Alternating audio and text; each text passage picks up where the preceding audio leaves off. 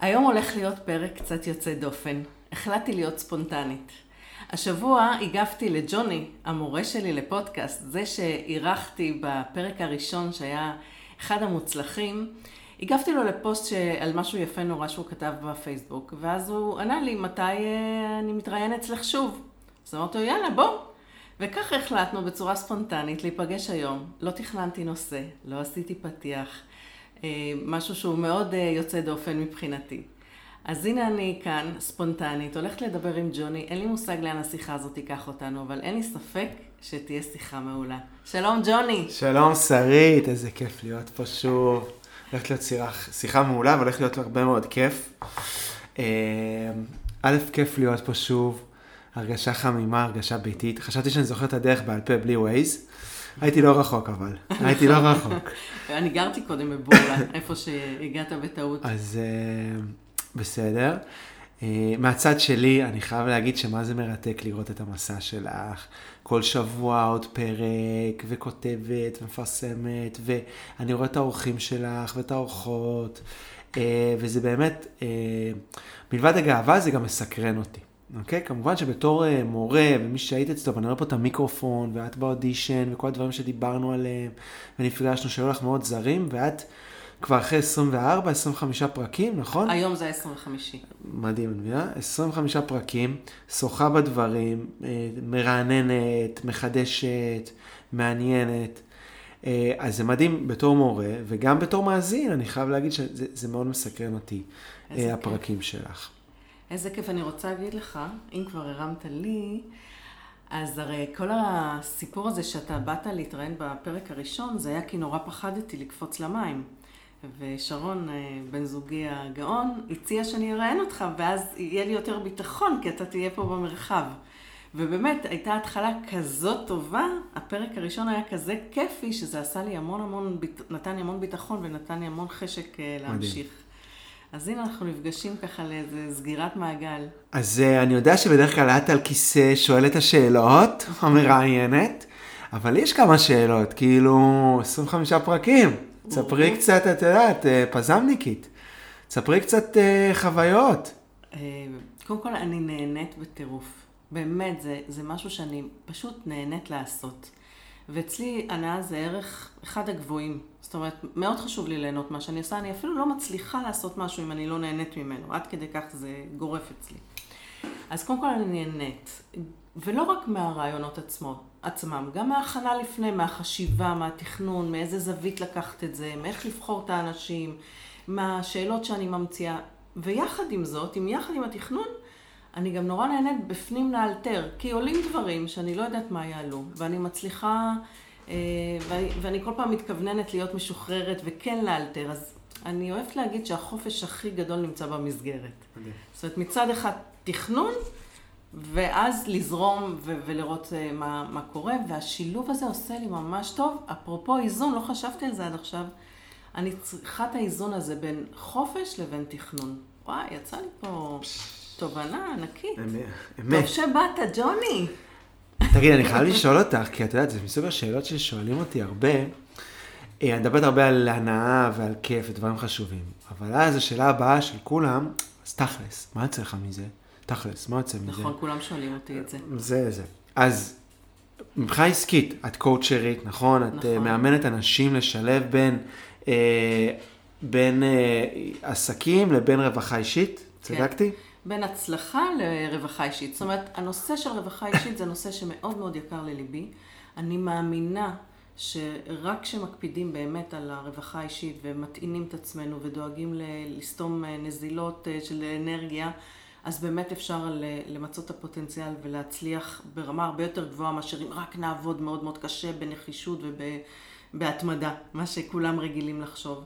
אז זה נושא שיקר לליבי. אני עובדת בנושא הזה הרבה מאוד שנים בחיים האישיים שלי. אני מלווה אנשים אה, לשים לב לזה ו- ולהקדיש לזה זמן. ו- וזה נושא שפשוט מרתק אותי, וכל אורח מביא מלא תובנות וגילויים וכנות. ומשתף כמה האתגר הזה לא פשוט, וקצת טיפים, וקצת רעיונות, והשראה, זה פשוט כיף. ואתה שואל מה יוצא לי מזה? כן. אין לי מושג. רגע, דבר ראשון, בואו נדייק, הרגע הגדרת למידה. כלומר, נכון. את למדת הרבה לאורך הדרך מהאנשים נכון. האלה, זאת אומרת שהיום את בתור אה, קואוצ'רית לשילוב בין הצלחה ורווחה אישית, הסקיל שלך, הרמה שלך יותר גבוהה. אני מאמינה שכן, בלי אפילו, אתה יודע, לשים את האצבע... אז זה דבר ראשון, אז לגמרי. הרמה שלך השתפרה, זה דבר ראשון. יש לך הנאה, יש לך אה, אה, למידה. למידה, שזה ערך גם מאוד גבוה, אני בטוח. מאוד, בסוף, מאוד. אוקיי. אה, מה עוד? בואו בוא, בוא נסתכל. ומה עוד יוצא לי מזה? כן. אוקיי. אז קודם כל, אני לא יודעת להגיד, כי זה לא אה, משהו באופן ישיר. ברוך השם, העסק שלי מלא, ואני אה, ברווחה כלכלית גם, ואני מאוד מאמינה בשיווק באמצעות אה, תוכן וערך. ו- ואני מקבלת המון פידבקים שזה נותן המון ערך. מעבר לזה שזה מנעים את זמנם של אנשים בזמן שהם עושים פעילות גופנית, מבשלים, מנקים וכולי, הם גם באמת לוקחים מזה, אני מקבלת אה, אה, וואטסאפים, אני מקבלת אימיילים מאנשים שאומרים לי דברים קונקרטיים, מה שהם לקחו מהשיחות, וגם באופן כללי שזה מאוד מאוד תרם להם. אז אני מאמינה שככה עובד שיווק, שזה בעצם אה, מקדם אותי מבחינת המותג, מבחינת הערך שלי, מבחינת אם אנשים מתחברים אליי דרך זה. אז בוא, תספרי לנו איך את משווקת, כלומר, את עושה פרסום ממומן בפייסבוק, לא... כן. אה, מה בדיוק, ואיזה פידבקים את מקבלת מאנשים. אז קודם כל יש לי את הקהילה של העוקבים שלי, שהם מקבלים ממני, אבל כפי שאתם יודעים בפייסבוק, אה, בדף העסקי, אם לא משקיעים כסף, אז זה גם לא מגיע לקהילה הרגילה שעוקבת. אז אני כן משקיעה סכום מסוים כל חודש, ולא רק את הפודקאסט אני אה, אה, מקדמת באופן ממומן, גם את הסיפור אחד בשבוע, שזה פוסט קבוע שאני כותבת כל פעם על סיפור מקרה מה, מה, מהאימון. אה, אז יש לי סכום קבוע שאני משקיעה בחודש ואני מקדמת, וזה מגיע גם לקהילה הקבועה שלי, שמקבלת את זה באופן קבוע. אגב, גם באימייל, לא רק בפייסבוק, וזה גם כל חודש מכניס אנשים חדשים. מדהים. עכשיו, מעבר לזה שהממומן מכניס אנשים חדשים, גם האורחים שלי מכניסים אנשים חדשים לקהילה, כי כל אורח אה, משתף אצלו ב... מדהים. בדף או בפרטי שלו, ואז האנשים שמכירים אותו נחשפים לפודקאסט, וחוזרים אחורה ושומעים פרקים נוספים. זה, על זה אני מקבלת המון פידבקים, שהם הקשיבו ל- לפרק כי הם הכירו, לא משנה, מי, מי היה המרואיין, ואז הם חוזרים אחורה לעוד פרקים ומאוד מאוד אה, אה, נהנים ונתרמים. אז זה מין אה, אה, עלייה כזאת שכל הזמן אה, צוברת תאוצה, שאין לי בדיוק מושג בכמה אפילו ומי... מה, מה חוזר מזה. אוקיי. זה יפה, מי שלא מכיר את שרית, היא כזה, אני לא יודעת, וזה, ופה, ונשמע קצת אה, כאילו מרחף כזה.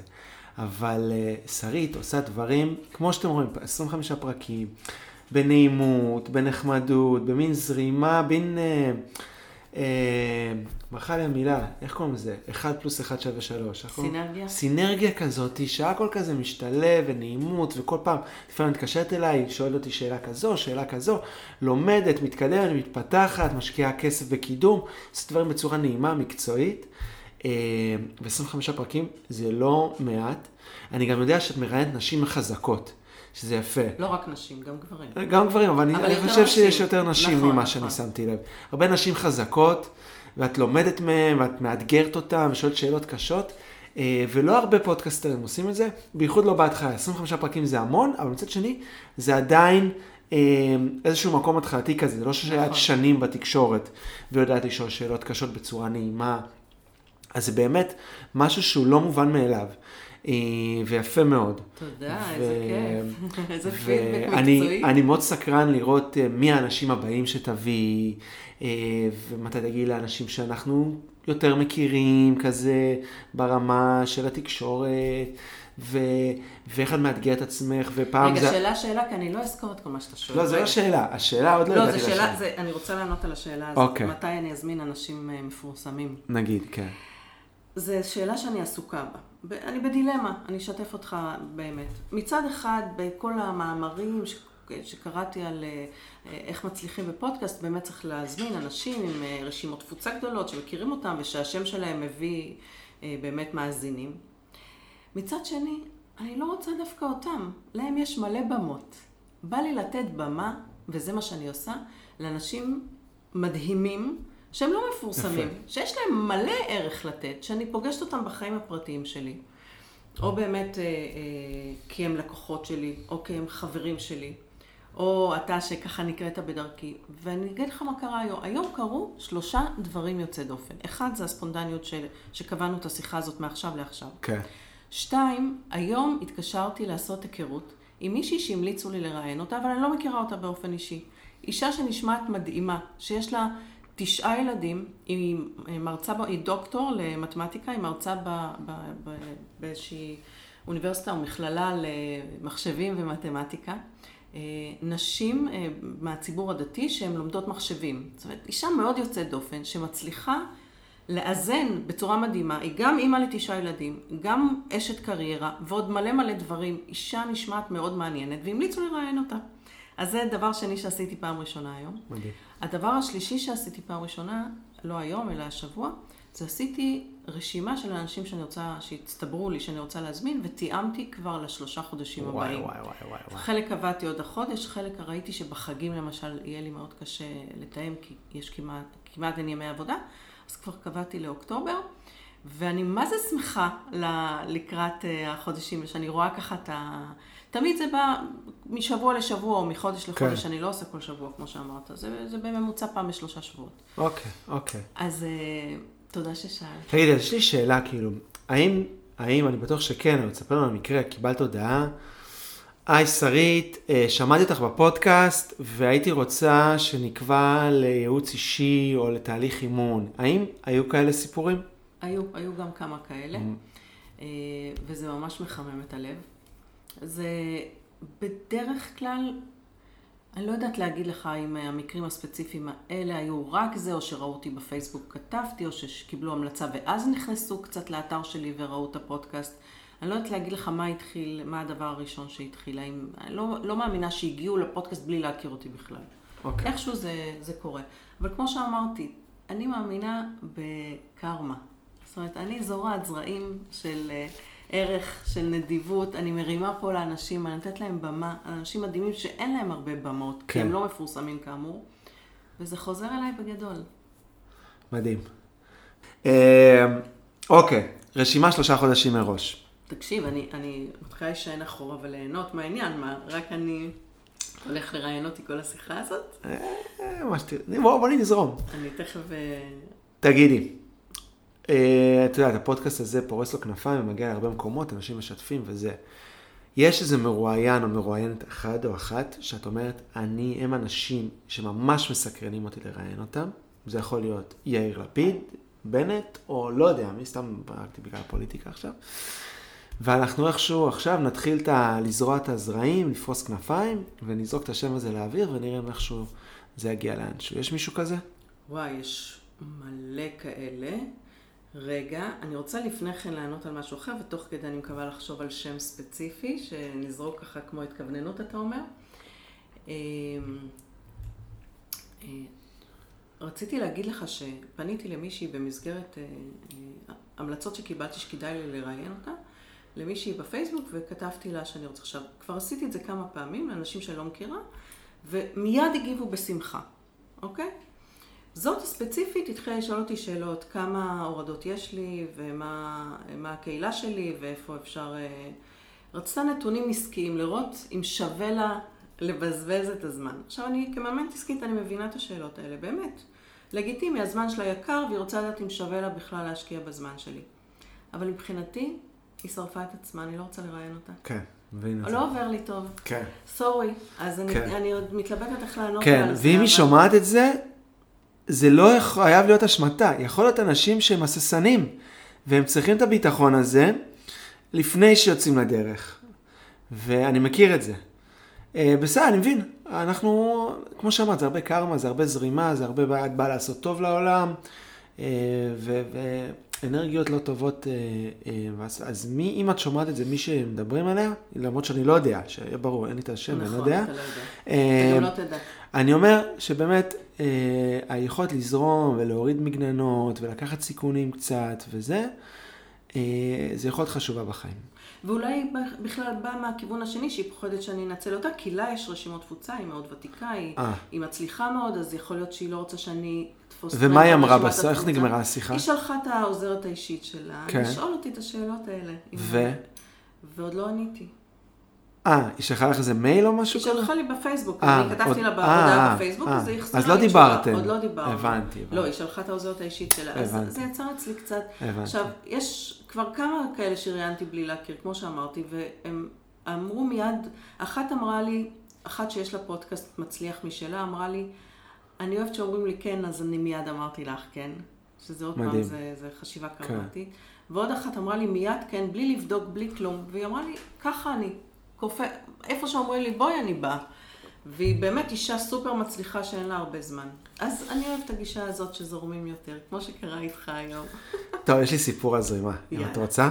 בטח. יש איזה משהו שלא דיברנו עליו שאת רוצה לדבר? לא, אני ממש סקרנית לשמוע. מה שלומך בימים אלה? אוקיי. פעם שעברה, כשראיינתי אותך לפני, אני חושבת שזה היה כמעט שנתיים, היינו עוד לפני הקורונה. אתה זוכר? היה פעם חיים לפני הקורונה. היה את סטודיו אגדות עם השותף שרון. הייתה אז חברה. כן, שרונה. אה, שרונה, שדיברנו עליה הרבה והיית המום מאיך שנחשפת. כן, ואני יודעת רק שמאז התחלת עבודה חדשה, וקרו המון דברים בחיים כן, שלך, אז כן, בוא, בוא ת... כן, כן. תציג את עצמך, מה אתה עושה, ג'וני? מי אתה? תאכל אה, פיסטוק. אני אזיק טוב. לעצמי? אה, ולא אמרתי לך מי אני רוצה לסמן. נו, יאיר לפיד, ברור. כן? אני אגיד לך שאני מאוד מתרגשת מהממשלה החדשה. ואני ממש מקווה שהם יצליחו. אני יודעת שיש ציניקנים ויש אה, שיגידו שאני נאיבית וכל מיני כאלה. אני בוחרת להיות אה, מאמינה. הם מביאים איזה רוח חדשה שממש ממש משמחת אותי. והלוואי, ו- וזה יהיה מין אה, דוגמה לכל עם ישראל, שאפשר לדבר ולשבת יחד ו- ולהקשיב אחד לשני ולקבל החלטות ולשרת אנשים ולבוא באמת מתוך כוונה טהורה של לעשות טוב. זה מה שעובר לי מהם. אוקיי, אז אז יאיר לפיד, כן, אם, אני מאוד אם. מישהו מאזין לנו ומכיר מישהו שקשור ליאיר לפיד, ובטוח יש אנשים במעגל שלך שקשורים ליאיר לפיד, הוא, הוא לא רחוק מפה, נכון? הוא ממש קרוב. אז uh, בבקשה, להפיץ שמועה. ואני אפילו אמקד אתכם יותר. שרית, יאיר, יאיר לפיד מתקשר אלייך, אומר, תקשיבי, אני יכול לבוא אליך לרבע שעה, ויש לי זמן לשאלה אחת. Uh, take it or leave it. את מזמינה אותו, ואם... או מה השאלה שאת שואלת אותו? ככה בשלוף, מה אפשר לך להאמין שזה אפשרי? יפה. מדברת על אמונה. כן. כי אני חושבת שמה שבעיניי מדהים, זה שמה שקרה, אם היית שואל אנשים לפני אם יכולה לקום ממשלה כזאת, כולם היו אומרים לא, אין סיכוי. נכון? מי, מי ייתן לאחד עם שישה מנדטים להיות ראש ממשלה? מי, איך עבאס יישב עם, אה, עם אה, בנט? כאילו... והוא האמין. יפה. אני רוצה לדעת מה אפשר לו להאמין. מה סוד האמונה? מה סוד האמונה שלך? וגם, מה אפשר לו לוותר, לשים את האגו שלו בצד? אני גם יכולה לנחש מה הוא יענה, אבל אז... מה אפשר לו לשים את האגו בצד ולתת לבנט את ה... זה ניסוח מאוד מעניין, מה אפשר לו להאמין? מה נתן לו כוח לאמונה? שאלה אימונית. זה שאלה, את יודעת, זה כאילו, מה אפשר לך להאמין? כאילו, אנשים מאמינים, זה, זה מין, מה, מה, drive פנימי כזה? צדקת הדרך, גודל המטרה? ואתה לא מאמין איזה תשובות יכולות לעלות מזה. מעניין. אז באמת, מה אפשר זה אחת השאלות האימוניות שגורמות לאנשים לחשוב, מה, זה לא או שיש לי את זה או שאין לי את זה, יש משהו שמאפשר את זה. מה מאפשר לי להאמין? כן. אז זה היה ניסיון, נכון? אם הצלחתי משהו פעם אחת, אז אוטומטית הסיק... האמונה שלי שזה יקרה שוב יפה. עולה, נכון? כן. אמ, אבל החוכמה היא, סליחה שאני עוצרת אותך, להאמין עוד לפני שיש לך הוכחות שזה כבר עובד, או שיש... בפעם הראשונה. כן, בפעם הראשונה, איך אתה הופך משהו מבלתי אפשרי, שנתפס ברגע אחד בלתי אפשרי, למשהו שהופך להיות אפשרי. דבר, תראי, אמרתי לך, את יודעת שאני הרבה חוקר דברים מכדורסל. אז uh, עוד דבר שיש, זה האמון, ה- העבודה שהשקעתי. כלומר, אם אני קולע סל ניצחון מטורף, את אומרת לי, ג'וני, איך קלטת את הסל הזה, או איך חשבת שזה? אומר, תקשיבי, התאמנתי לזריקה הזאת במשך שנים, כל יום, ואני יודע שאני יכול לקלוע אותה. אני פשוט עשיתי את זה באימונים אין ספור פעמים. מדהים. אז, זה- אז העבודה הקשה שהשקעתי נותן לי את האמונה שברגע האמת אני אהיה מסוגל לבצע את מה שאני רוצה לבצע. אוקיי? זה דבר שני. יפה. אה, עוד תשובה, זה אין ברירה. שאין לך ברירה, אתה חייב להאמין. כאילו, את יודעת, אנחנו שומעים על- אה, ניסים ו... ודברים, ושאין לך ברירה, אתה פשוט מצליח לעשות דברים, אתה, אתה לא עסוק בכלל במחשבה האם אני יכול או זה, אתה פשוט יודע שאתה חייב לעשות. הישרדותית. כן. אם עכשיו, אה, לא יודע מה, יש פה איזה בניין ויש אש וצריכים לקפוץ להציל את הילדים ו... ועושים את זה. אין ברירה, אם לא, אנשים ימותו. אני מסכימה איתך שבמצבי קיצון אנשים אה, מוצאים כוחות שהם לא ידעו שקיימים אצלם. לפעמים בגלל זה צריך להגיע, לדאבוננו, לדחק, למשבר, לדחק, למצוקה מאוד גדולה, בשביל להתחבר מחדש לכוחות. שאם אנחנו. מדברים על קואוצ'ינג, זו שיטה די מוכרת בקואוצ'ינג, אני חושב, של לשרוף את הספינות, נכון. אוקיי? יפה, ג'וני. כן. אז אה, אם אין לי ברירה, אני לא אצליח. נכון. אז אה, אז אה, מה שלומך, ג'וני? מה קורה? תציג את עצמך, בבקשה. וואי, להציג את עצמי, אחת השאלות הקשות. אני ג'וני האווסטוק. לעולם אני לא אצליח להגיד את השם שלך. מה בהאואר שלנו? וסטוק, מניה. האווסטוק? כן. אוקיי. תודה על הפירוק. אני ג'וני האווסטוק, יונתן האווסטוק. אה, אני במאי סרטים, אה, אני עובד בדיגיטל ב... בתור filmmaker, שזה אומר מצלם ועורך וכותב אה, סרטונים שיווקיים או סרטונים דוקומנטריים לחברות, לעסקים, ליחידים. בנוסף, אני מרצה לפודקאסטים, כלומר, אחרי שהקמתי פודקאסט משלי, לימדתי אנשים כמו שרית להקים פודקאסט, מייעץ להם גם איך להמשיך עם הפודקאסט, ומתפתח עוד הרבה בעולם הפודקאסט. זהו כרגע, זה, זה כרגע מה שכרגע. אני מאוד מאוד מתמקד בכתיבה לקראת העתיד. אה, שם אני רואה את ההתפתחות שלי. אה, בכתיבה, כשאני מדבר על כתיבה, אה, סרטים באורך מלא, תסריט לסרט באורך מלא, או ספר, שזה שני דברים שאני התעסקתי בהם. סיימתי בדיוק קורס כתיבה אצל אילן הייטנר, וואו. שאני מאוד מאוד אוהב את הספרים שלו. שמתי לב שאתה לאחרונה כותב פוסטים עמוקים כאלה, ארוכים, מהממים. כן. הפוסט האחרון הייתי בשוק שכאילו בכלל הגעת לסוף, זה 991 מילה, זה כמעט אלף מילים. מה זה, קראתי בשקיקה, זה היה מדהים על האולימפיאדה. כן, אגב. זה היה כיף. כאילו שרון ענה ראשון, ואמרתי, אוי יופי, מישהו הגיע לסוף, הוא ענה שני, ו... ואז פתאום אנשים התחילו להגיב, שזה היה, היה מגניב, כי כאילו, בגלל שאחרי הקורס, כאילו, אני פחות מתעניין עכשיו באיך דברים אמורים להיראות או משהו, כאילו, פעם הייתי אומר, אני אכתוב אלף מילה לפייסבוק, כאילו, זה לא מתאים, זה לא... זה... אז עכשיו כבר שחררתי את זה. יפה. אני כותב, אה, אחד מהדברים החשובים שהיו לי בקורס כתיבה, אני, את מכירה, אני כותב כל הזמן בפייסבוק כבר שנים, וגם כותב לעצמי הרבה, והגעתי לקורס כתיבה אצל אילן אייטנר, והייתה משימה לכתוב קורות חיים רגשיים, 300 מילה. משימה מאוד קשה, ופתאום לא הצלחתי לכתוב, היה לי מאוד מאוד קשה. מה זה אומר? קורות חיים רגשיים, קורות חיים רגשיים. מה זה? אה, איך שאתה תופס את זה? כן. זה היה תרגיל, הוא כן. לא הסביר מה זה בדיוק. קורות חיים רגשיים שלך, זה יכול להיות מהילדות, זה יכול להיות משפחה, זה יכול להיות זוגיות. אוקיי. ופתאום אני מוצא את עצמי שאני לא מצליח לכתוב.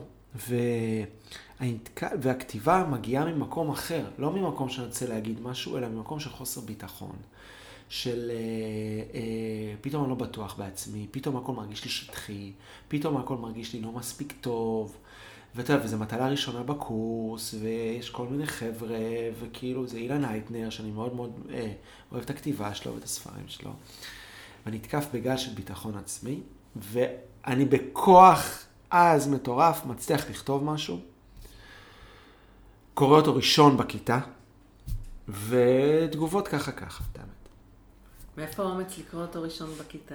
זהו, אני באתי מחויב, אני אמרתי, אני הולך להפיג מהקורס הזה את המקסימום. אני הולך ללמוד כמה שיותר. זה אילן אייטנר, זה קורס קצר, שבעה שבועות, ואני הולך ללמוד כל מה שאני יכול ללמוד, כי אני מאוד מעריך את הכתיבה שלו.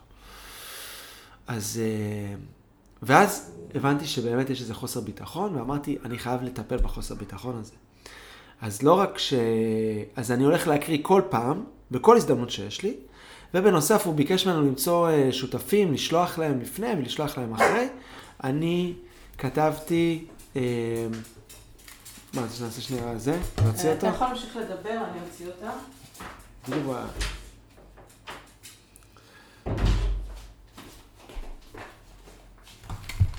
כלבה שלי אוהבת להאזין לפודקאסט עד שלב מסוים שהיא זהו. מבקשת לצאת.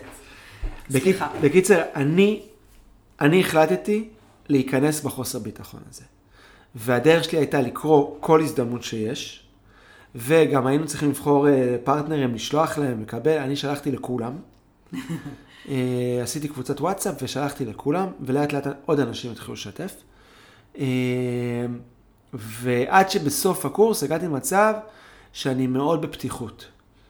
וכולם אמרו לי, איך באת, איך היית בתחילת הקורס, סגור כזה, ולא ברור, ולא מובן, ועכשיו אנחנו כאילו עושים לך משהו מאוד מתוק, מאוד אותנטי, מאוד כן. אה, גם בכתיבה וגם בשיחות בקורס. כי אילן אומר, אני לא יודע ללמד כתיבה, אין כזה דבר ללמד כתיבה. כאילו, אנשים כותבים, אני לומד להיות פתוח, אה, להיות שלם. אז הרגשתי שבאמת עשיתי איזושהי דרך מאוד גדולה בקורס, שהתכווננתי אליה, כי זה לא היה במקרה, זה היה החלטה מודעת אה, אה, לעשות את זה. סיפור מקסים, אה, אגב. ההחלטה הזאת, אם אני כבר פה, אז אני לוקחת את המקסימום ואני נכנס ברבק, מה שנקרא. אה, אין ספק שהיא, אני, אני מניחה שזו לא פעם ראשונה שאתה משתמש בזה. אתה מכיר את זה מעצמך? שאתה מאמת את עצמך עם איזשהו מקום שאתה מרגיש שאתה חייב לפרוץ אותו? אני אגיד לך משהו. א', אה, אני רוצה מאוד לפרגן לקורס ולאילן אייטנר, ו- ובאמת קורס מדהים, ובן אדם מדהים, והייתה אווירה מדהימה ומאוד מאוד מומלץ. ב', אה, מה שהיה מעניין, ופה אני משתף, הרבה פעמים כשאני מגיע לכאלה דברים ללמוד מאנשים, אה, האגו קופץ, אוקיי? אוקיי. ואומר, טבעי. ואומר, מי אתה שתלמד אותי, ומי אתה שתגיד לי ככה, וזה נכון ולא נכון, אתה מכיר אותי, אתה זה, ואז אה, נחסמת האפשרות ללמוד, כי אתה במין אה, מגננה כזאת ושם חומות. עכשיו, אצל אילן, אני אמרתי, אני, בגלל שאני כל כך מעריך את הכתיבה שלו, וכתיבה זה דבר שאני מעריך, אני באתי בלי סליחה, באתי בלי האגו. כי אני אמרתי, אני זה בן אדם שאני מאוד מעריך את הכתיבה שלו. זה לא איזה מישהו שחלק יגידו שרלטטה, איך אומרים שרלטטה? שרלטן. שרלטן, חרטטן, זה, זה פאקינג אילן אייטנר, זה, זה חוכמת הבייגלה, זה מלך החומוס ומלכת האמבטיה, זה שרצית המנה. זה ספרים שאני, קר- קבלות. שאני קראתי אותם בשעות, לא יכולתי להוריד את הספר. אז דבר ראשון, הורדתי את האגו. וב', בשיעור הראשון אילן אה, אמר לנו, אני בא לתת לכם את הים. אתם תחליטו אם אתם באים עם כוס צ'ייסר לקחת ממני, או שאתם באים עם, גיגי, עם אה, חבית ענקית לקחת ממני. אני אמרתי, אני בא עם super tanker. אני בא לקחת כל מה שיש לך לתת לי. והייתי כותב כל מילה, אנשים אומרים לי, מה אתה כותב כל הזמן? כאילו, והייתי כותב כל מילה, ומסתכל על זה אחרי השיעורים ולפני השיעורים.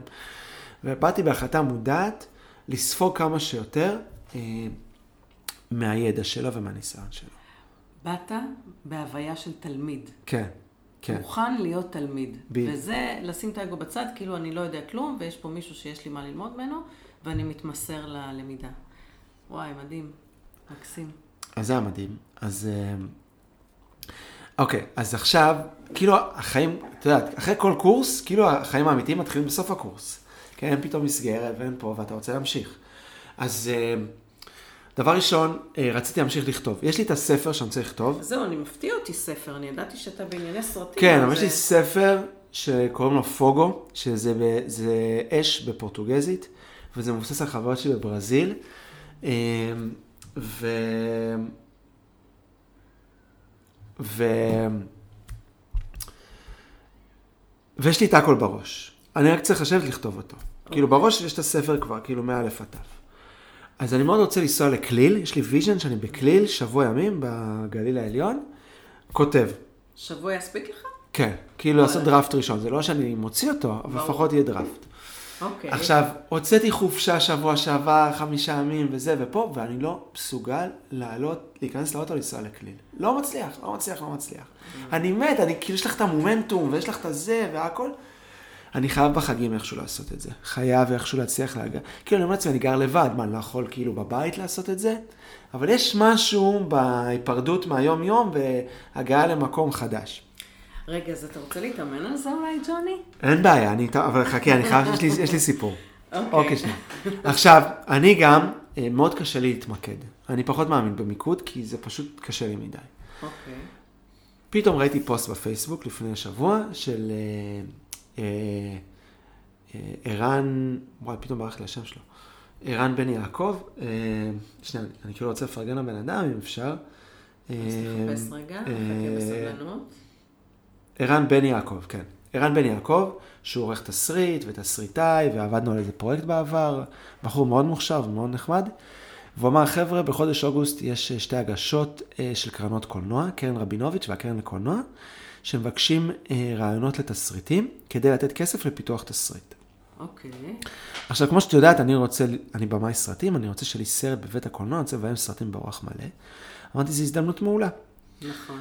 אה, אז אה, פניתי אליו, אה, ואמרתי לו, ערן, יש לי כמה רעיונות לסרטים, זה לא דברים מגובשים מדי, אבל אה, אני רוצה להמשיך את המומנטום שאני נמצא בו. הוא אומר לי, ואז סיפרתי לו, הוא אומר לי, מה, אתה כותב ספר אבל עכשיו? אמרתי לו, עזוב, אני לא צריך לבחור ולהתמקד בדבר אחד, וכל הקלישאות האלה, זה לא עובד עליי. כאילו, אני צריך לעשות, לשים לי דדליינים ולעשות. כי אני, כי אני כל הזמן ביצירה, כל פעם בעשייה. אני צריך את המיקוד הזה, לאן לכוון את כל האנרגיה. את הזאת. היעד. את ה- את ה- כן. אז נפגשנו היום.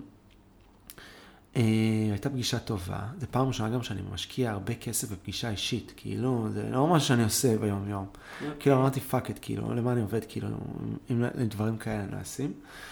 ושמתי לו אה, לא מעט כסף לפגישה, ו... והתכווננו, והוא אמר לי, טוב, תקשיב, יש הגשה ראשונה ב-15, שזה עוד כמה ימים? עשרה ימים בערך? משהו כזה. 11 יום? ויש עוד אחת ב-30. אז כאילו, אם תספיק לכתוב תוך עשרה ימים, נגיש גם לראשונה, אם לא, תגיש אה, לזה. אבל כאילו, תנסה להתמקד על זה. אוקיי. אני אוקיי, אוקיי, אני, אני אומר אוקיי, עכשיו אני גם עובד כפרילנסר, אתה יודע, אני עושה סרטונים לחברות וזה. פתאום אוגוסט, מלא, מלא, כאילו, כולם פונים אליי. עכשיו, אני רק רוצה לכתוב, כאילו, רק בא להגיד לא, אבל קשה לי להגיד לא, כי זה גם הפרנסה, זה גם, את יודעת, כאילו, מה, אני גם אוהב את זה. אז אני בקונפליקט תמידי, אולי אחר כך דברי איתי על זה ותגידי לי איך אני משחרר את הקונפליקט, כי יש, יש כאילו פרויקטים שאני מת לשחרר, עם כל הכבוד, שזה כסף וזה, אבל אני מת לשחרר, אני רק רוצה ללכת לכלי, לכתוב, זה מה שמעניין אותי. זה א', ו- ואני בדילמות ובקונפליקטים, ומדבר עם uh, לקוחות, ועם זה, ועם פה, ועם שם. וכמו שאת יודעת, אני עובד גם בדיגיטל uh, של המשרד לנושאים אסטרטגיים. תגיד את זה לאט, כי לא שמעו. אוקיי, אז אני... עובד אה, במשרד? עובד, אני עובד במחלקת הדיגיטל של המשרד לנושאים אסטרטגיים והסברה, שבקרוב זה יהיה חלק ממשרד החוץ, אה, ועושה שם הסברה. אה, אז אתה תוכל אה, לקשר אותי עם יאיר לפיד. נכון. את האמת? נכון. אז אה, באמת נכון. אז אה, אני נמצא במשרד היום, וחבר חזר מאיטליה. חבר למחלקה. אנחנו במחלקה ארבעה אנשים. אה, הבוס שלי, ראש המחלקה, ועוד שני אנשים שאיתי. הוא חזר מאיטליה, ואת האמת הוא הביא לי מתנה, הוא הביא לי בקבוק שמן זית, כי אני מבשל לאחרונה אם את רואה בפייסבוק. כן. שזה מדהים שיש לך חבר לעבודה שמכיר אותך ברמה שיודע להביא לך מתנה אישית שהיא בול מה שאתה, כאילו, שמן זית מאיטליה. מדהים, זה לא סתם קניתי טובלרון כי בדיוטי. מדהים, זה ממש מחמם את הלב להיות במקום עבודה שהחבר'ה שלך מכירים אותך ואכפת להם וזה, ומשקיעים, ולהביא איזה מתנה אישית כזאת. מקסים. קיצור, הוא אומר, חזר מאיטליה, ואז אה, עוד מישהו בא, מישהו שבא, והוא לא הביא מתנה. אתה יודע, עכשיו במשרד, אם אתה חוזר מחו"ל ולא מביא מתנה, אתה מחוק. אז אני כל פעם צוחק עליו, מה עם המתנה, מה עם השוקולדים, מה עם זה, ואז הוא אומר, אני עוד מעט טס עוד פעם. ואז, אה, אני עוד מעט טס עוד פעם, ואז החבר שחזר מאיטליה אמר, אני גם צריך לטוס עוד, עוד כמה זמן לזה.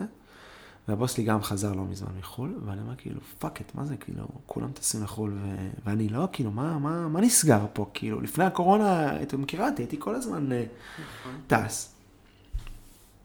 ואז אני בא לאחר, לבחורה הרביעית מהמחלקה, אני אומר לה, תקשיבי, אנחנו טסים לחו"ל. זהו, מה נראה להם, שכולם יטוסו פה ואנחנו לא נטוס? ואז אני מסתכל על ההוא שזה, ואני מסתכל על הבוס לי, אתם יודעים, ארבעתנו טסים לחו"ל. כל המחלקה טסה לחו"ל, עכשיו לא מעניין אותי כלום. עכשיו, לפני שבאתי אלייך, זה ממש עכשיו. אוקיי. ואני אומר להם, יאללה, חבר'ה, אסור לחשוב, אסור לחשוב, פשוט בוא נקבע, ואחר כך נתמודד עם ההשלכות, ו- ונראה. והיא אומרת, יש לי חתונה, ו- ופתאום אני מתחיל לחשוב על הכתיבה. אני כאילו, הרגע נפגשתי עם בן אדם, יש לי דדליינים. אני חייב לכתוב, ואני כאילו פתאום מטיס ארבעה חבר'ה ל- לחו"ל, מאותו משרד, מאותו משרד, ולחו"ל. ואני כאילו, ואני כאילו? כשרק, כשהרשימה של המדינות האדומות רק הולכת וגדלה. אז, אז כאילו התכווננו על מונטנגרו. אוקיי. שכאילו היה שם איזה 200 חולים, משהו כאילו לא, לא זה. מונט, גם לא הייתי אף פעם בבלקן. וסגרנו, סגרנו עכשיו. טיסה, הנה אני אראה לך, אני אראה לך את ההודעה, בגלל זה אני בטירוף, אני אומר לך, נכנסתי, אמרתי לך, את לא מבינה מה קורה. הנה, תראי, זה גשה, שמות מלאים באנגלית כמו שמופיעים בדרכון ותאריך לידה. מדהים, אוקיי. אז כאילו, מה-18 עד ה-22, אה, זה אחרי הגשה. אחרי הגשה הראשונה, נכון, אם אני אספיק לה בכלל. נכון. אז לא, לדעתי זה יהיה פרס על ההגשה הראשונה ב-15. אז זהו, אז החבר'ה מהמשרד אמרתי להם, תקשיבו, איך אנחנו עושים? אני אמור לכתוב, כאילו, אני כאילו, יודע מה זה. אז הם, הם אומרים לי, כאילו, טוב, תקום מוקדם בבוקר, תכתוב כמה שעות, בסך הכל תצטרף אלינו לקראת הצהריים, או משהו כזה, כאילו, נהיה פלקסיבלס איתך. איזה יופי. מדהים. יפה, אז קודם כל אתה סטורי טלר מדהים. תמיד אני יושבת מרותקת אה, לסיפורים שלך. תראה, זה נשמע שמהעבודות שאתה עושה למען אחרים, יש הבדל בין התפיסה שלך אותם, שיש פה משהו לספק, שאני יודע להיות מקצועי ולעשות את זה, לבין משהו שאתה עושה בשביל עצמך. לגמרי. אוקיי? זה מגיע למקומות אחרים. ואתה באופן אה, פרדוקסלי בעיניי, תופס את המחויבות היותר גבוהה, זה כשאתה עושה מול עצמך. וזה מזכיר לי, אחד האתגרים של אנשים עצמאיים, זה לקבוע פגישות עם עצמם ביומן. אם הם קובעים עם מישהו אחר, הם תמיד יתכוננו לפגישה, והם יגיעו לפגישה, ואם יש להם דדליין למישהו, אז הם יעשו את זה. אבל אם זה פגישה מול עצמם, כי זה משהו שחשוב להם, זה כאילו הכי קל לדחוק הצידה. אוקיי, זה אחד האתגרים הכי גדולים. אתה מתחבר לזה? מאוד. זה, זה מה שכרגע. מאוד. אז בעצם מה שאתה, הקול הפנימי שלך מבקש להיות ברמת מחויבות גבוהה, כמו ללקוחות, גם Mm. למה שחשוב לך, הגדרת את זה מדויק. מעולה. יפה. יופי. אז למה אתה זקוק? מה, מה יתמוך בך להעלות את מידת המחויבות שלך כלפי עצמך, לתשוקה שלך, לרצון שלך, לכמיהה שלך ליצור את היצירה שלך, לא של מישהו אחר? שאלה. התשובה היא אצלך, רק אתה יודע. כן, אבל זה לא איזה מין תשובה כזאת. כאילו, כשאתה עובד עם לקוח, אתה משימתי. אוקיי? דבר על עצמך. כשאני עובד עם כשאני עובד עם לקוח, לקוח, הם משימתי. אוקיי, אני יודע שזה הדדליין, אני יודע שזה ההיקף עבודה, שזה התקציב, שזה מה שדיברנו שנעשה, וכאילו... ועושים. אז אני just do it, מה שנקרא. כן, אוקיי. כן, כאילו אני חושב על זה, וזה, ונהנה, ופה, אבל יש גבולות. כשאתה עובד עם עצמך אין גבולות. זה מה שאתה רגיל. כן. עד היום. כן. אז הרמה הבאה שלך מה? זה ליצור את הגבולות עם עצמך? מה. זה גבולות? בוא, בוא נדבר אה, פרקטי. מה, לתחום שעות ב... ב ביומן? לדוגמה. אתה מנהל יומן? אתה מנהל את הזמן? לא, אבל לדוגמה, אה, את יודעת שאני רץ, אז אה, אני מאוד מנסה ל... כל בוקר, או בנוסף או במקום הריצה, תלוי כמה פעמים בשבוע, לכתוב. כמו שאני רגיל, ואת יודעת, שנים, לקום בחמש, שש בבוקר, ולצאת לריצה של שעה, שעתיים, סוף השבוע יותר, וזה, ופה, ולחיות את זה. אה, לעשות את זה בריצה. אתה צודק, כי מה שאתה אומר לי בעצם, שהריצה כבר הפך להיות הרגל קבוע אצלך. בדיוק. אתה לא חושב כל בוקר לרוץ, לא לרוץ. ברור לך שאתה קם ואתה רץ. זה, זה כבר כן, ממש הרגל קבוע שאתה כן. על אוטומט. ואתה רוצה שהכתיבה יהיה גם כזה. כן, לא כי כתוב לך פגישה ביומן עם ג'וני צריך לכתוב, כן. אלא כי אני קם בבוקר, כמו שאני מצחצח כן, שיניים והולך כן. ל- לרוץ, אני גם יושב לכתוב. כן. אוקיי, זה בעצם הרגל חדש שאתה רוצה להכניס? זה משהו שעוד לא עשית בדיוק. עד היום? בדיוק. עד היום זה היה אקראי? לפעמים אני כותב, לפעמים לא, לפי הקריזה כזה? בגדול. אוקיי. או אקראי או דדליין. אוקיי. אתה רוצה לנסות להיזכר איך הכנסת את הריצה כהרגל? או הרגל אחר שאתה... כן. כי זה תהליך. להכניס הרגל חדש לחיים זה תהליך. שאלה טובה. אה, א', הריצה, התחלתי לבד, אבל אה, באיזשהו שלב אה, התחברתי לקבוצה. אז זה הרבה יותר קל. את המסגרת. המסגרת וגם האנשים, כי דיברנו על ההנאה. שהם אנשים זה, זה כיף. אוקיי. אז גם היה לך כיף עם האנשים, וזה גם היווה מסגרת עבורך, שתמך בך לקום כל בוקר ולרוץ. כן, אבל התחלתי לבד, אז אני צריך לחשוב. כי רק אחרי שהגעתי לאיזשהו רף מסוים, אמרתי, טוב, עכשיו הגעתי למקסימום לבד, כדי להמשיך להתפתח בריצה, אני צריך מאמן, אני צריך קבוצה, אני צריך להיות מקצוען. אוקיי. אז רגע, בוא נעשה את האנלוגיה. אני חושבת שכתבת אקראית כל פעם, פוסטים ודברים אחרים ודברים לעצמך, לבד. החלטת לאתגר את עצמך, הלכת לאילן אייטנר ולמדת. וקיבלת שם עוד כלים ועוד ידע ועוד אה, פרקטיקה והתנסויות, נכון? כן. אוקיי. אז מה הרמה הבאה? זה יכול להיות קבוצה, זה יכול להיות משהו אחר. יכול להיות באדי, או משהו יש אחר. הרבה אופציות, יש גם שאני אלמד, הייתי מלמד קצת, אתה יודע, כמו שלימדתי פודקאסט, לימדתי קצת הסרטות, יש שאני אלמד, בדיוק חשבתי על איזה... אנחנו מדברים על ההרגל של לכתוב כל בוקר. אז זהו, אז אם אתה מגיע בתור המבוגר האחראי, אז זה הרבה יותר קל, מבינה? תסביר לי למה אתה מתכוון. אם עכשיו אתה קבעת עם אנשים, אני קובע עם אנשים. אם אני קובע עם אנשים עכשיו, בשעה הבוקר להיפגש לשעה של כתיבה, אה, אוקיי, ממש כמו ריצה. בדיוק. כאילו, אני אוקיי. דיברתי על זה בדיוק, לעשות אה, קבוצת ריצה כתיבה כזו. שנפגשים אוקיי. ל- לרוץ ואחרי זה כותבים. אגב, אני בטוחה שיהיו לזה הרבה קפו- קופצים, כי כן. הרבה אנשים רוצים להכניס את זה כהרגל. הרבה אומרים לי את זה, את האמת. יש מצב שאפילו אני, אבל אז מה, את רואה את עצמך בשש וחצי נפגשת איתי, ואז עד שעה וחצי, שעה אבל ו... זה השעות של הספורט שלי. נו, שש וחצי בבוקר נפגשתי לרוץ. לא, בלי לרוץ. אוקיי. אני לא רצה.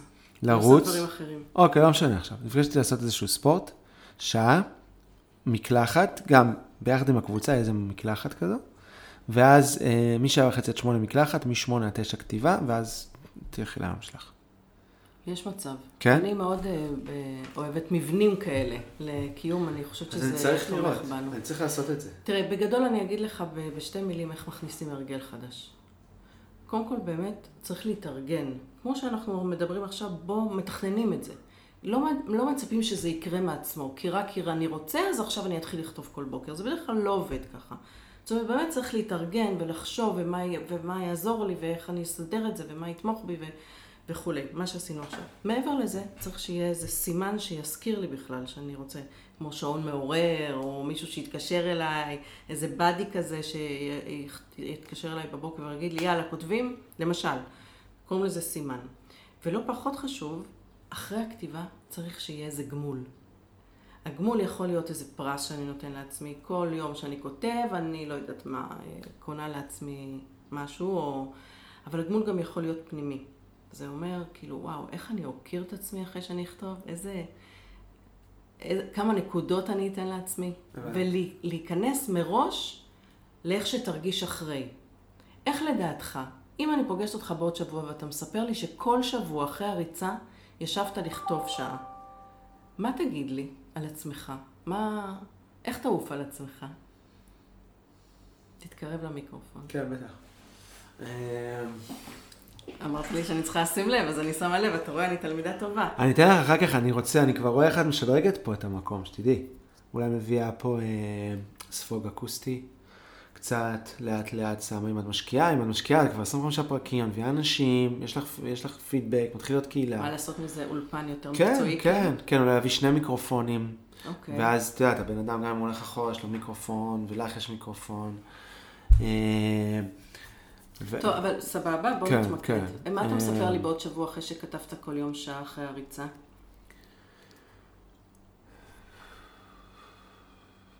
אני מאוד מתלהב. מאוד מתלהב. אה, מאוד באנרגיה חיובית.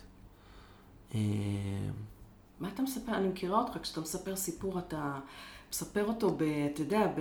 כן. תספר לי, תגיד לי את המילים שאתה מספר לי בעוד שבוע. תקשיבי, שרית, איזה שבוע את לא מבינה מה זה הפודקאסט. או, זה ג'ון. כל בוקר אני קם, ורץ וכותב, ויצאו לי דברים מאוד מעניינים שלא ידעתי בכלל ש... שכאילו נמצאים שם בתוכו. והתקדמתי משמעותית, משמעותית עם הסינופסיס. אה, וכמובן שזה שבוע, כאילו אני אביא עכשיו קצת איזה משהו, כמובן שזה שבוע ו... וזה לא תקופת זמן ארוכה כדי אה, להגיד שסיגלתי הרגל חדש לחיי. אה, ואני רוצה להמשיך את זה, ואני מפחד שאחרי שבוע פתאום תהיה איזה נפילה. ו... אבל נראה טוב. מעולה. אז קודם כל מעולה שעשית את זה במשך שבוע וישבת וכתבת והגעת לעומקים שלא תיארת לעצמך, וגם מעולה שאתה, אתה לא, כאילו, אתה לא שאנן, אתה מבין שזה הרגל חדש, הוא עוד לא מיושם. יש לי שאלה, ויש יש לי שאלה. פחד, נו. כשחזרתי מברזיל, הייתי כמה פעמים בברזיל, כשחזרתי מברזיל בפעם האחרונה, הכרתי שם בחורה, פרננדה, בקושי ידעה אנגלית, והיה לנו איזה רומן כזה, וחזרתי לארץ, היא מופיעה בספר? כי אני מתה מסקרנות לשמוע על מה הספר. ושנייה, ואז אה, אמרתי, אה, אני רוצה לדבר איתה על פורטוגזית. ונכנסתי לאינטרנט, יש את רוזטה סטון, אם אני מכירה, זה אתר מספר אחד של אה, לימוד שפות באינטרנט, ונרשמתי, והתחלתי ללמוד פורטוגזית. אוקיי. ואמרתי לה, ואני בקשר איתה, ואני אומר לה, עוד חודש נדבר וזה, ואני בטירוף, ו- ועושה שיעורים, ומתרגל, וזה, ופה, ועושה סימולציות. ואז הגיע איזה חודש, וכאילו, כאילו דעך הקשר בינינו. נעלם, ואחרי זה חודש כזה היה איזה שיחה, ואחרי זה לא דיברנו. ואז הפסקתי ללמוד פורטוגזית. לא נגעתי בזה יותר. וזה גם הפחד הגדול, זה השאלה. אוקיי, את, אני שכחתי מההתרגשות של הפודקאסט את הדבר הכי חשוב לשאול אותך. למה? למה חשוב לך לקום כל יום, לרוץ, ולשבת אחרי זה לכתוב, ולהיות מחויב לכתיבה של עצמך וליצירה האותנטית שלך? למה זה חשוב לך? כי זה נשמע שכשיש לך למה מאוד גדול וחזק, אבל איך הלמה זה פנימי? כי נגיד גם אז, בסיפור הזה עם, אה, עם ברזיל ועם הבחורה הזו, היה לך חשוב מאוד. אבל זה, לא-. אבל כן, אבל תוך חודש זה נעלם. אוקיי, אז סבבה, זה שתי שיחות נפרדות. קודם כל, למה? אחרי זה נראה מה יכול למנוע מזה. לא, כי מה זה קודם כל למה? כי אם עכשיו אני קם שבוע בטירוף כותב בשביל אה, ההגשה, בשביל הדדליין, שדרך אגב, אילן הייטנר אמר שהדבר שהכי נותן לך השראה לכתיבה בכל העולם זה דדליין. כן, זה... גאוני. גאוני. אה, אין השראה כמו דדליין. כן, אז אם... למה אני אומר את זה? כי מה החשש שלי? כתבתי עכשיו שבועיים, שלוש, טה טה טה טה טה טה טה, הגשתי. מה קורה עכשיו? אוקיי, איך אני ממשיך באנרגיה הזאתי, בכתיבה הזאתי? זה השאלה שלי. כי אם אני כותב, מגיש ויוצא מזה, לא עשיתי כלום. אז זה נשמע שאתה רוצה להתחייב מול עצמך, שגם אחרי שתגיש, ההרגל הזה של הכתיבה היומית יהיה under your skin, אוקיי? ולא יהיו ספקות ולא תפסיק לעשות את זה, כמו שאתה מכיר שקרה עם הבחורה הזאת הברזילאית, שלמדת ב- ב- בנחישות כזאת פורטוגזית, ואחרי שכבר לא היה למה, עזבת את זה.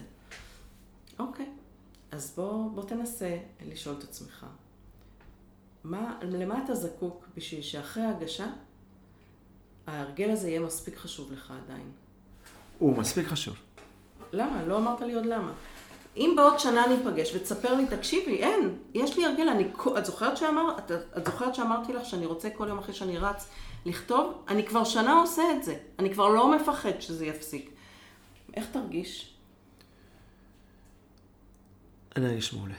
מי תהיה? איזה ג'וני אני אפגוש בעוד שנה כשיש לו את ההרגל הזה? אה, ג'וני שמרגיש יותר טוב עם עצמו. בזכות מה? בזכות שהוא עושה את מה שהוא צריך לעשות. צריך כן, או רוצה? גם וגם. זה מבחינתך כל כך אה, עמוק שזה צריך. אתה יודע, כן. התחלת את השיחה בזה שדיברת על האימון כדורסל, שבן אדם שמתאמן כל יום על הכדורסל, בסוף הכלייה שלו מצליחה. כן, זה קשור בזה? אתה רוצה כל יום לכתוב בשביל להיות כותב טוב? כן, גם. כן. זאת אומרת, בעוד שנה כשאני פוגשת אותך, מה, מה רמת הכתיבה שלך? היום היא גם מצוינת, מה אז? היא, היא, יותר, התגב... היא יותר מגובשת למשהו גדול יותר. אוקיי. היא לא פוסט שאת קוראת. בפייסבוק פעם בשבוע או פעם בכמה ימים או זה. היא אוקיי. יצירה יותר מגובשת. אוקיי. אז אם אני רוצה להיות בן אדם כותב, רציני, שמגיש עבודות שלי לקרנות ולספר, להוצאות או לכל מיני, מי שאני צריך להיות זה כזה שמתמיד כל יום בכתיבה, שיש לו הרגל כתיבה, כמו ששחקן כדורסל כל יום עולה למגרש כן, כן. וזורק לסל? כן, את המחויבות הזו. אוקיי. יש לך מילה אחרת חוץ ממחויבות? שאולי קצת תעשה את ההקשר אה, יותר פשוט? מחויבות אוטומטיות. נשמע כבד. אוטומטיות, משמעת. לא, משמעת זה גם כבד. נכון. אה, הרגל קבוע? אני רוצה הרגל קבוע. הנה, אני, אני מסתכל על ספרייה. כשיש הרגל קבוע לא צריך מחויבות, זה בדיוק העניין. כשההרגל הוא כבר קבוע, אז לא צריך כל פעם את המשמעת ואת המחויבות הזאת. וזה בעצם מה שאתה רוצה ליצור. כמו שאתה מצחצח שיניים, כמו שאתה הולך לרוץ, אתה רוצה לקום בבוקר, נכון. בלי לשאול שאלות, פשוט לכתוב. נכון. כי אני בן אדם כותב, ובן אדם שמחייב, שרוצה להיות כותב רציני, מקצועי, צריך לכתוב כל יום, כמו שכדורסלן מקצועי צריך לזרוק לסל כל יום. זה מה שאמרת לי בהתחלה, נכון? כן. אוקיי. מה בינך לבין להיות בן אדם כותב, ג'וני?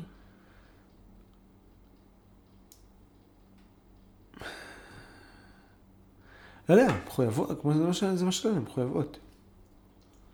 יש החלטה? יש החלטה, כן, את רואה שאני...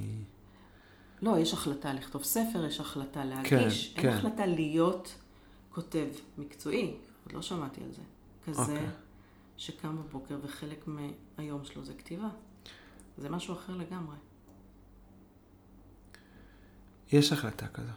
כן? כן, חד משמעית. מב- תראה, אני גם כל פעם... תראה, המטרה זה להיות במאי בסוף. בואו בוא נדייק את זה. אוקיי, שזה לא רק כתיבה. כאילו, בארץ הכתיבה מאוד מובילה לבימוי, זה, זה פחות מופרד. אוקיי. אנחנו יודעים בהוליווד, שומעים, יש תסריטה, יש במה.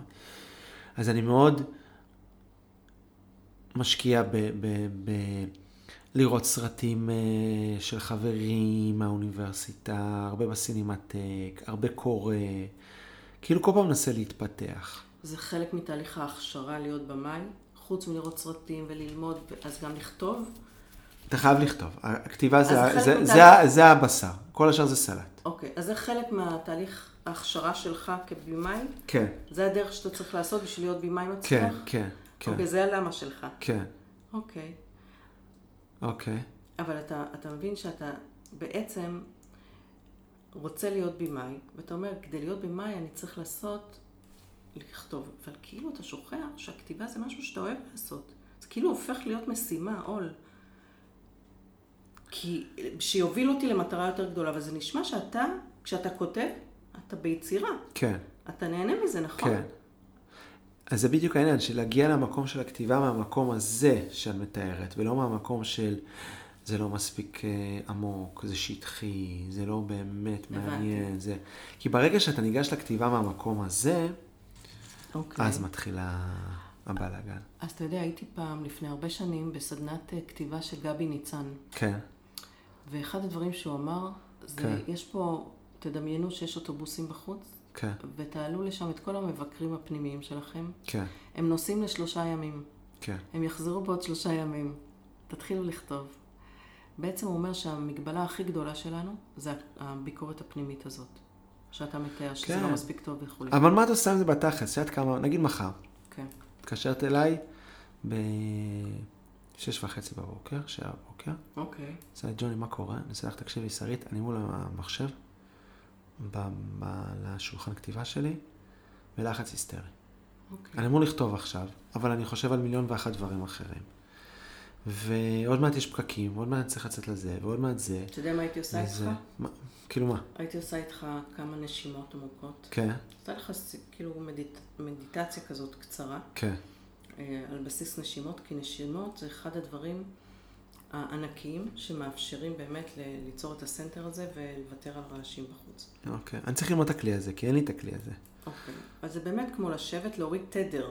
נשימה, כשאתה היא עמוקה והיא מונחית, ואני יכולה אחר כך אה, להדגים לך איך עושים את זה, היא באמת מאפשרת להוריד תדר ויש פחות רעש. אז יכול להיות שאתה צריך, או אפילו ביוטיוב, לח- לחפש איזו מדיטציה ממש קצרה של כמה דקות, שרק תוריד לך את התדר, שתוכל להיות מרוכז. זה מה שאני שואלת מסוג הדברים, שמה יאפשר לך, למה, לאיזה זה מרחב. אתה צריך? עכשיו, אם אני, יש לי דדליין, נגיד למחר בבוקר, אוקיי. ואני צריך לקום בחמש בבוקר, כדי לשלוח את הסרטון עד שמונה בבוקר, אין בעיה. כי אתה משימתי. אין בעיה, אני יודע מה אני צריך לעשות, אני קם מוקדם, אני דווקא עדיף את זה, שקט, אין טלפונים, אין כלום, תקתק את זה. אבל ברגע שאני בא למשהו שלי, עכשיו גם הקושי, חלק, דרך לפתור את זה גם, חוץ מנשימות, זה לתכנן מה אתה הולך. אתה אומר, אני מחר צריך לכתוב עשרה עמודים, או שני עמודים, על נושא אה, זה וזה. שזה עוד פעם, זה שלך, שתכנון תומך בך. יש כאלה שיגידו, דווקא אני רוצה לכתוב בלי לתכנן. אבל ג'ון, אני רוצה להגיד לך משהו, יש פה הבחנה חשובה. כן. כל החיים לימדו אותנו לעשות דברים כי צריך. כי יש שיעורי בית, כי צריך להגיש מבחן, כי צריך להתכונן למבחן, כי יש סוף שנה, כי יש בגרויות, כי כל הזמן בעבודה משימות, כי צריך וצריך וצריך. אנחנו באמת לא מיומנים להניע את עצמנו ממקורות הנאה פנימיים רק כי אני רוצה וכי זה חשוב לי, וכי אה, אני בונה את עצמי, וזה בשבילי, רק כי, כי ככה אני רוצה. אנחנו פשוט לא רגילים להקשיב לרצון הפנימי שלנו ושהוא יניע אותנו. כל השיחה שלנו היא בגלל שאין לנו את הצ'יפ הזה כאילו. למה? כי לא חינכו אותנו. לשאול בבוקר, מה בא לנו לעשות היום? מה אנחנו רוצים? מה יעשה לנו טוב? לא שאלו אותנו את זה אף פעם. מסכים איתי? ואתה בעצם עכשיו מתעסק בלבנות מנגנון, איזושהי תשתית פנימית. כי אתה עולה, אתה עולה ברמה, זה אחרת לגמרי לכתוב בשביל אחרים ולעשות עבודה בשביל אחרים ולהתפרנס מזה, לבין לעשות משהו שהוא יצירה בשביל עצמי. יכול להיות שיש עוד מלא דברים שעוד לא נכנסנו אליהם, כי אם תהיה יצירה, תהיה גם ביקורת, ואולי לא תימכר, ואולי לא יאהבו את זה. יכול להיות שיש פה מלא פחדים. כשהפחדים, דרך אגב, עולים, הרצון יורד. אוקיי? אז אנחנו צריכים לטפל הרבה פעמים גם בפחדים, לא נעשה את זה היום. אוקיי. אבל אתה מבין למה אני מתכוונת. כן. אז זה מורכב, כן. אבל זה בעצם אתה רוצה לבנות.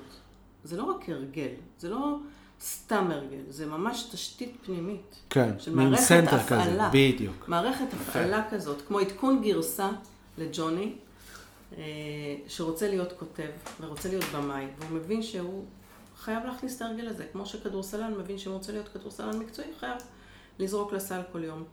וכמו שמישהי שעושה פודקאסט חייבת להבין שהיא צריכה אחת לכמה זמן, שבועיים, שלושה חודש, לעשות פודקאסט, אחרת היא לא על המגרש, נכון? זה בעצם מה שאתה אומר. אנחנו נעצור פה, למרות שיכולנו להמשיך. בוא תגיד לי מה אתה לוקח מהשיחה שלנו. אוקיי. אמ, אה, אמרת הרבה דברים חשובים. אה, אחד מהדברים הכי חשובים שאמרת זה אה, צעד צעד. מחמש אתה מגיע לשש, לא לשבע שמונה. אה, שזה נכון מאוד. לוקח את היכולת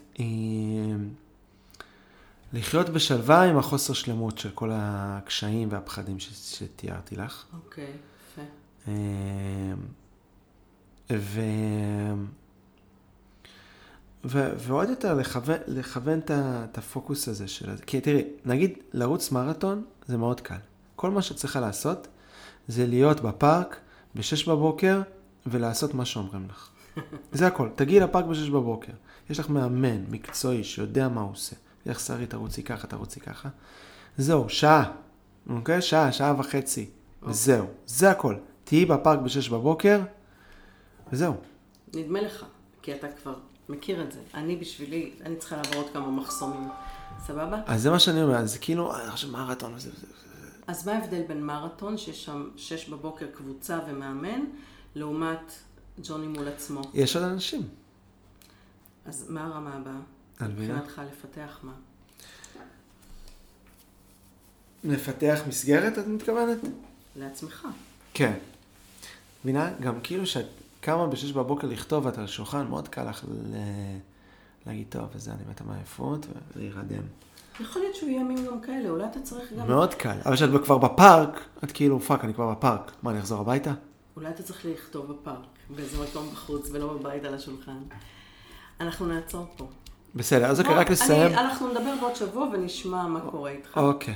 ואני רוצה להגיד, אני רוצה להגיד לך תודה, תודה לשרון, אני רוצה להגיד תודה לחברה שלי אורטל, ממש חמודה וממש חיובית וממש תומכת. אה, הבת זוג? הנוכחית? כן, כן, אה, שלא כן, דיברנו כן. לא דיברנו עכשיו על טוב, הפרטי. כל שיחה לקחת למקום כן, אחר. כן. אה, אז אה, אורטל, ו... אה, וזהו, וזהו. סטודיו הגדול, ג'וני ארוסטו, שרית אמיתי, פה live משיכון ל', לא, איך רמת? אביב החדשה. live מרמת אביב החדשה. אני מחכה כבר לפרק, ומעניין אותי מה יהיה פרק 26. ויאיר לפיד, אם איכשהו אתה שומע את זה, בוקט. תודה, היה לי לעונג, מדהים. תודה, ג'וני. זהו, סיימנו?